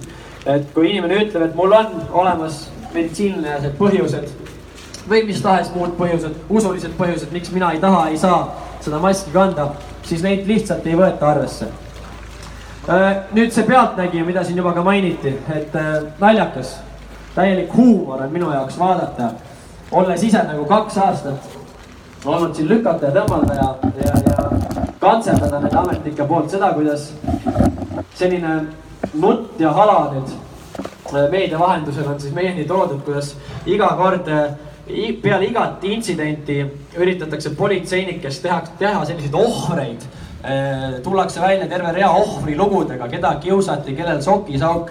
no sorry, aga see on meheks saamise üks äh, osa. koolis väike kiusamine, ehitusplatsil, spordiplatsil, meeskonnas väike tõgamine, see käib asja juurde, see on normaalne. Et äh, Elmar Vaherile siis on see, olgu see, see pühendatud. et, et nüüd ma siis loen, et ühesõnaga, kui politseinikud tulid meile kohviku ette ka sinna näiteks ja võtsid nuia välja ja klohmisid Markot, kusjuures need videod on kõik ära kustutatud, eks ole siis kirjutavad nad meile politseist vastuse, et, et me olemegi kohustatud taluma. huvitav sõnas, me oleme kohustatud taluma selliseid sunnimeetmeid. No kindlasti mitte ei ole kohustatud taluma, politseiametnikud on kohustatud teenima oma rahvast ja ennekõike tagama meie turvalisuse, kelle turvalisust tagatakse. seesama, kus Taavi Idavõin jalutas siit mäest ülesse, äh, tuli koeraga, see on indiviidi tasandil psühholoogia on see tegelikult, siin ei ole isegi mingit pistmist enam politseijuhtidega, Elmar Vaheriga või Valdo Põderiga, seal oli ju pistmist konkreetse ametnikuga. see mees tuli sealt alt oma peas juba mõttes välja kangelasloo, kuidas tema tuleb ja päästab oma kamraadid ära. Tuli koeraga sinna selja tagant vasakule, paremale, inimesed lendasid, pensionäre solgutati, ähvardati, lasti koer neile korraks kallale. Ma ei pea meenutama siin, meenutan ikka kevadisi meeleavaldusi, kus, kus äh, Karmenile vist siin kuskil sa meil siin oled, tehti trahvi lihtsalt selle eest, Karmen, tehti trahvi lihtsalt selle eest, et tema autos olid plakatid. otsiti põhjus sisuliselt, et, et, et teha trahvi nendele inimestele, kes tulid kas siis veel kord lippudega üles või kelle autos olid meeleavalduse plakatid. no millist turvalisust seal siis tagati? täielik jama Äh, veel, siis räägin sellest äh, kohtuasjadest ja klaariks selle ka ära, kuna mul praegu siin võimalus on, sest peavoolumeediaga mina üldse ei suhtle ja aitäh Varrole. lahe oli sind näha, kui sa siin peavoolumeedia minema ajasid ja, ja rahvas vapralt sinu selja taga seisis, ehk siis mina ütleks, et mitte ainult Postimees ja Punamäe, vaid nad kõik, nad on tegelikult ju šaakalid, kaanid, nad tulevad siia jälle neid klikke koguma, eks ole. võtavad, saavad kuskilt äärealadelt paar kommentaari jätavad meist täiesti naeruväärse mulje ja siis pärast sarnaselt Marii Karellile ja sellele Laseri saatele räägivad siis äh, peavoolumeedias sihukest juttu näiteks nagu seal tehti, et näed, mina sain viiskümmend tuhat eurot ja siis arvutati maha sealt turvafirma seitseteist tuhat eurot ja öeldi, et kolmkümmend neli tuhat eurot panin mina justkui taskusse. ja miljonid, me müüme välja saale ja vestlusõhtuid, kus teenitakse miljonid ja need miljonid liiguvad ringiga tagasi äh, nende vandenõuteooriate siis loojatele nii-öelda. no see on jabur jutt. esiteks jabur jutt on see, et see turvafirma arve oli seitseteist tuhat eurot, sest see oli kolmkümmend neli tuhat eurot ja aitäh, kolmkümmend neli tuhat eurot ja, ja kui valvet tõhustati siis, äh, tõsteti see, tõsteti see trahv kolmekümne nelja tuhande euro pealt seitsmekümne kahe tuhande euro peale. ehk siis noh, selle loogika järgi oleks ma miinuses ja tegelikult olengi, sest et sageli maksame me ikkagi peale nende asjadest. teine, ma klaarin veel ära selle, et see raha need rahad, siin on palju juttu nüüd foorumites ja vestlusgruppides igal pool sellest, kuidas me võtsime selle raha ja panime selle kuskile taskusse või ma ei tea, kanditakse seda välja. see ei ole nii. fond loodi SAPTK abil õigusabikulude katteks sealt katame me täna siis kõiki, äh, kõiki neid, kõikide nende advokaatide äh, kulutusi ehk siis või arveid, ehk siis meil on praegu vaidlused lahti. Minul seoses kevadiste meeleavaldustega see politseikongi paigutamine, meil on lahti vaidlus Terviseametiga, meil on lahti vaidlus äh, valitsuse vastu kevadisi siis need äh, piirangud, mis kehtestati siis meil on lahti, täiendavalt lisandub sinna juurde tõenäoliselt ka turvafirma vaidlus. meil on veel sekundaarne politsei vaidlus, mis puudutab siis seda, et Markot löödi nuiaga. pluss veel kolma, äh, nüüd on kuues vaidlus juba, mis puudutab siis Janno pilti ja seda kriminaalasja, mis meil on. ja võib-olla tuleb sinna siis veel, ma ei tea, kas kuues või seitsmes juba juurde veel see valekaebus äh, millele tuginedes siis esitati meie vastu kriminaalsüüdistus. ehk siis see on kuus või seitse vaidlust, eks ole, ja need arved ei ole väiksed, need on suured arved, suur aitäh kõikidele, kes on otsustanud meid toetada ja seda jätkuvalt teevad ja ma kinnitan ja garanteerin ja võtan tulevikus ka selle aja, et, et üksipulki see asi lahti võtta ja teile ka nähtavaks ja teatavaks teha, et siin ei ole sellist asja, et keegi üritaks võtta rahva arvelt rikastuda. siin ei ole sellist asja, et ma kandiks seda raha kuskile, ma ei tea kuhu välismaale, ostaks sellest endale kortereid ja autosid ja, ja nagu siin mõned on juttu rääkinud ja siin ei ole kindlasti tegemist ka sellega, et mina justkui EKRE äh, ühe poliitikuna või siis liikmena äh, üritaksin kuidagi seda raha siis äh, oma kampaania jaoks nii-öelda ära kasutada või ei. ennekõike, enne seda, kui ma olen ekrelane, enne seda olen ma vend, enne seda olen ma poeg, olen ma ettevõtja, olen ma mitte teie ees ega teie taga, vaid teie kõrval selles võitluses. jätkuvalt tahan teid tänada see vihm, olgu see vihm, lumi või külm, need kaks aastat on demonstreerinud seda, et me ei ole mingisugused pehmod, me ei sula vihma käes ja me ei tagane mitte üks samm, aitäh.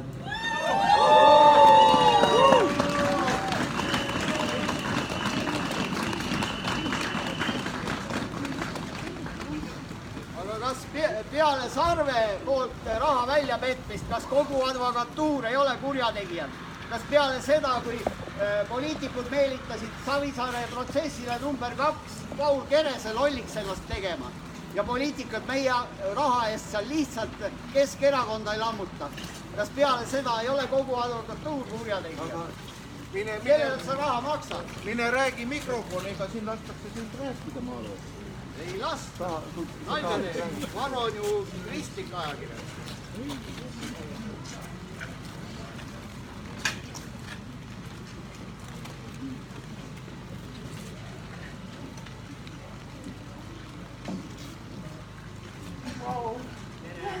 tere! ma pean vist silmad kinni panema siia, teid on liiga palju.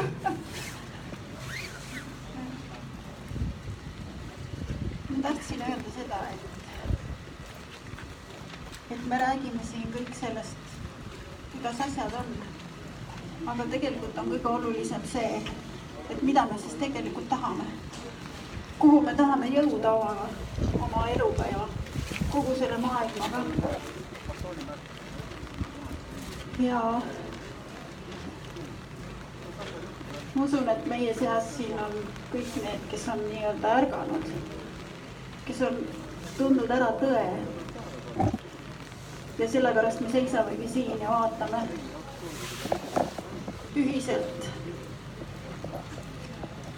neid ettekandeid. aga tegelikult ma tahtsin jõuda selleni, et mis, mis kõige selle taga on ja mis, mis kõige olulisem on, on see, et see on sõna. sõna, mis me räägime, sõna, mis me mõtleme, kõik on sõnadel baseeruv. ja sõnal on taga jõud ja see jõud on väga suur.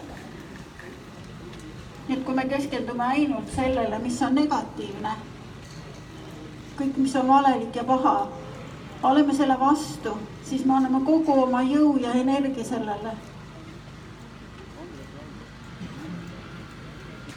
ja nüüd on see, et kui me tahame luua paremat maailma, ilusamat maailma,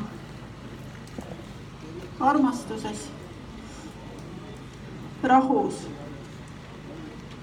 siis me peame keskenduma sellele. me näitame oma kohalolekuga siin, et jah, me oleme kõigest sellest teadlik, aga me ei anna jõudu ja energiat ära sellele, kes tahab meie üle valitseda.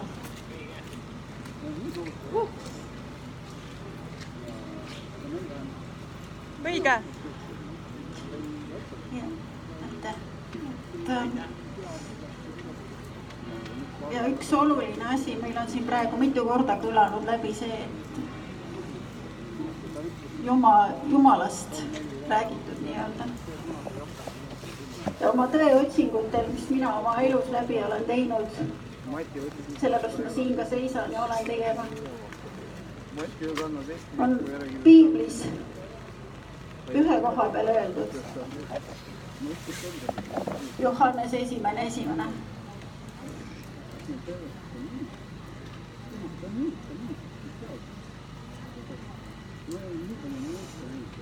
nii, nüüd mul läks see meelest ära vabandust muidu mul oli, mul alguses oli sõna ja sõna oli Jumala juures ja Jumal oli sõna. aitäh. Ja see näitabki seda just kui suur on sõna jõud väga,. väga-väga suur. vaadake, siin maailmas on ju kõik tehtud läbi sõna. kõik see pettus ja vale on samamoodi sõnadest koosnev. ja kui see pettus ja vale on nii suur, siis ta lihtsalt ühel hetkel lagunebki ja rebenebki ja meil on praegu tegelikult imeline aeg selles mõttes, et praegu me siin oleme tunnistajaks sellele, et me oleme nagu uue maailma loojad. sellepärast me oleme näinud seda nii palju suurt, nii palju valet kõiges, et lihtsalt enam ükski lapp ei aita selle jaoks, et seda valet kinni katta. uus valelapp ei kaitse enam. see rebeneb igast küljest ja siis ongi nii, et tõde tuleb lihtsalt päevavalgele. siin on pooled lihtsalt topeltad ja pooled. ja inimesed märkavad tõde.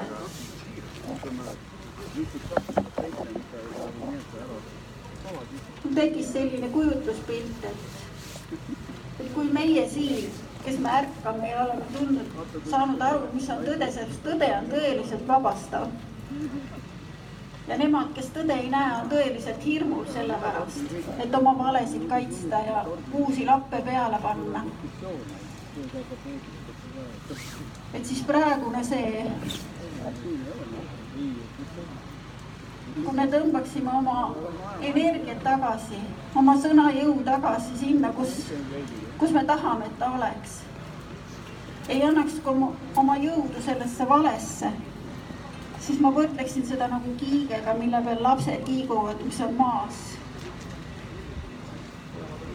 kui me läheme sinna kiige keskpunkti ja need valed on seal teisel pool otsas, siis nad ei saa ennast, siis see mäng on läbi. see kiig ei kiigu nende jaoks enam. aga samas tekib efekt selles, et kui on looduses kõik tasakaalus, siis me tõmbame ligi neid inimesi, kes enne ei märganud seda tõde nüüd, kui me oleme iseendas, märkame seda, mida me räägime, mida me mõtleme, keskendume sellele, millises ilusas maailmas me tahame elada.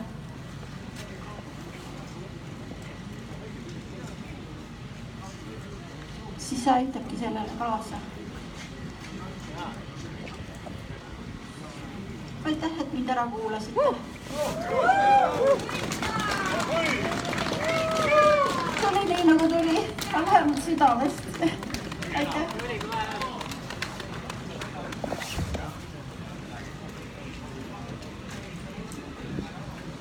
tere kõigile.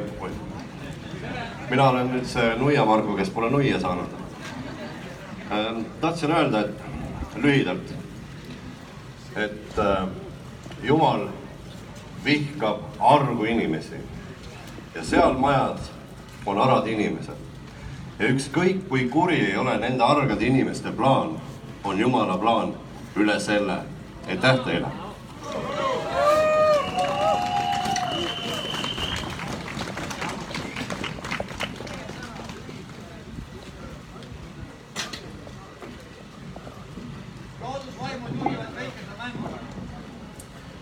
nii, head sõbrad, aitäh teile kõigile veel kord, kes te olete kohale tulnud siia täna.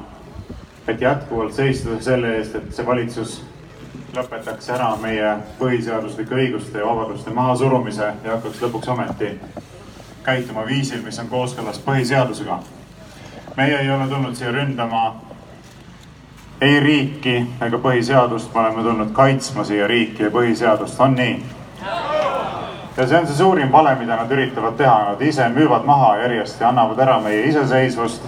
Nad loovutavad meie sõltumatust, nad taganevad demokraatia ideaalist, nad taganevad õigusriigi ideaalist. ja siis nad hakkavad süüdistama neid inimesi ja neid jõude, kes ei ole sellega nõus. täpselt selles, mida nad ise teevad. nii, see on tuntud vana tehnika, eks. hakka süüdistama teisi selles, mida sa ise teed. näiteks keegi ei hakkaks sind süüdistama selles, mida sa siis teed. ja, ja sellepärast me siin oleme, sellepärast me siin seisame, et meil ei ole see vastuvõetav.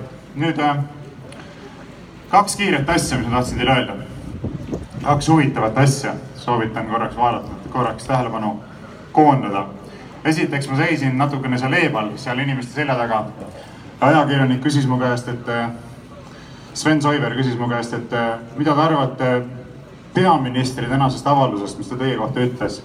ma ütlesin, et ma ei ole seda näinud, ma ei tea, mis ta ütles. siis ta andis oma telefoni minu kätte ja ütles, et noh, et lugege, et vaadake, laske silmad üle ja siis äkki kommenteerite mõne sõnaga. lasin silmad üle, võite ise vaadata Kaja Kallase Facebooki lehel, kus on niisugune pika Hermanni torm sini, sinimustvalgega. kõik laused algusest lõpuni on kas täielik vale või naeruväärne manipulatsioon aga igal juhul siis ütleb nõnda. samal päeval, kui Venemaa agressiooni sihtmärgiks oleva Ukraina iseseisvuse toetuseks lehvivad üle maailma sinikollased lipud, ründab end sinimustvalge lipu taha varjav vabadusvõitleja ja traditsioonide eest seisja Eesti iseseisvust. ja kuulake nüüd hoolega. mäletame nende korraldatud meeleavaldust Toompeal, kus rünnati Eesti politseid.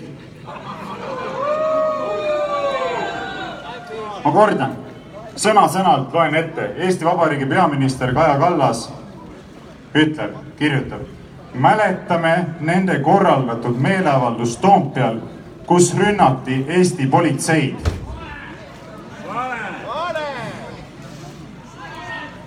täielik, ühemõtteline, sajaprotsendiline, alatu vale. mitte ühelgi meie korraldatud meeleavaldusel ei ole mitte kunagi mitte kõige vähemalgi määral mitte ühtegi politseinikku rünnatud. fakt, mida ei ole võimalik mitte kellelgi ümber lükata. järelikult, kui Kaja Kallas väidab avalikult vastupidist, siis ta lihtsalt banaalselt valetab, avalikult valetab ja laimab. kas on mingisugune võimalus seda kuidagi teisiti tõlgendada?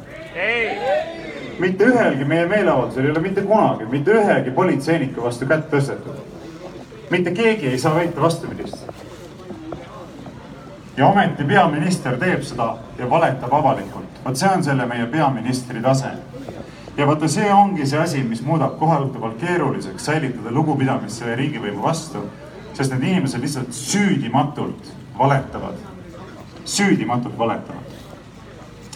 ja eks me vaatame, mida me selle asjaga peale hakkame. Aga päris niisama seda asja jätta ei saa. nüüd, kui ajakirjanikud oleksid ajakirjanikud, siis nad läheksid sinna pressikonverentsile ja küsiksid, proua peaminister, miks te valetate? Te teate ju väga hästi, et ühelgi nende meeleavaldusel ei ole mitte kunagi mitte ühtegi politseinikku rünnatud. vastupidi, nende meeleavaldustel on alati kutsutud inimesi üles suhtuma politseinikesse lugupidavalt, käituma rahumeelselt, suhtuma nendesse kui partneritesse, kes aitavad tagada meie põhiseaduslikku õigust avaldada meelt, täpselt nii nagu politseinikud siin seda praegugi teevad. Aitäh neile selle eest järjekordselt. ja, ja ei, nad ei tee seda, nad ei tee seda, et keegi ei lähe neid küsimusi küsima, sellepärast et tegemist ongi meediaga, mis sööb sellesama valitsuse pihust, eks. no väga tore, palju õnne sulle. ja üks asi veel, teine asi veel, et praegu just hetk tagasi helistas mul telefon. vaatan, kes helistab, Mart Jaavik, Postimehe peatoimetaja. astusin kaks sammu sinna eemale, võtsin toru vastu. Ja noh, kõne lühikokkuvõte oli see, et no saade meil Lubjaka Greereti Postimehe eetris olnud kuna praegu on olümpia tõttu seal stuudiod hõivatud, siis täna pidime salvestama selle kol kell kolm, noh, mõne tunni pärast. ütles mulle, et täna ei ole vaja stuudiosse tulla ja edaspidi ka ei ole enam vaja stuudiosse tulla. nii et ma olen Postimehest ametlikult ka kinga saanud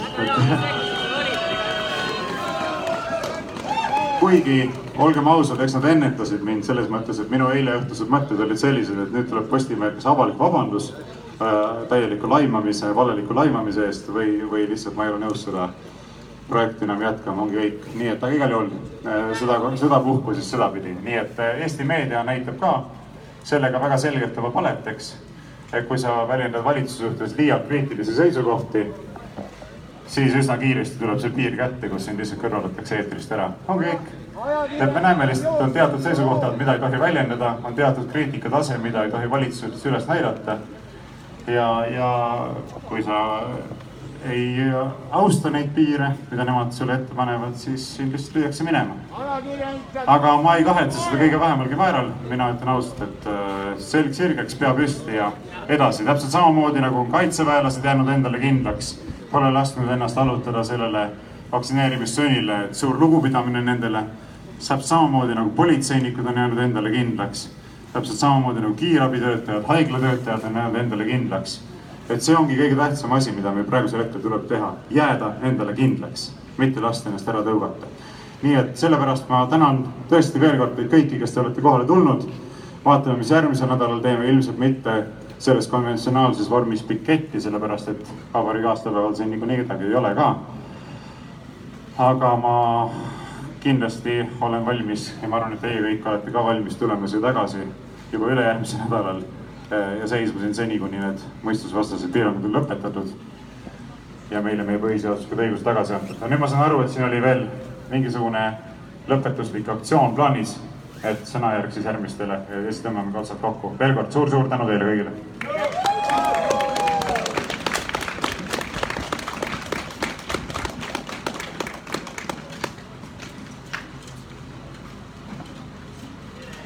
paganate võim, öelge, paganate võim on sama.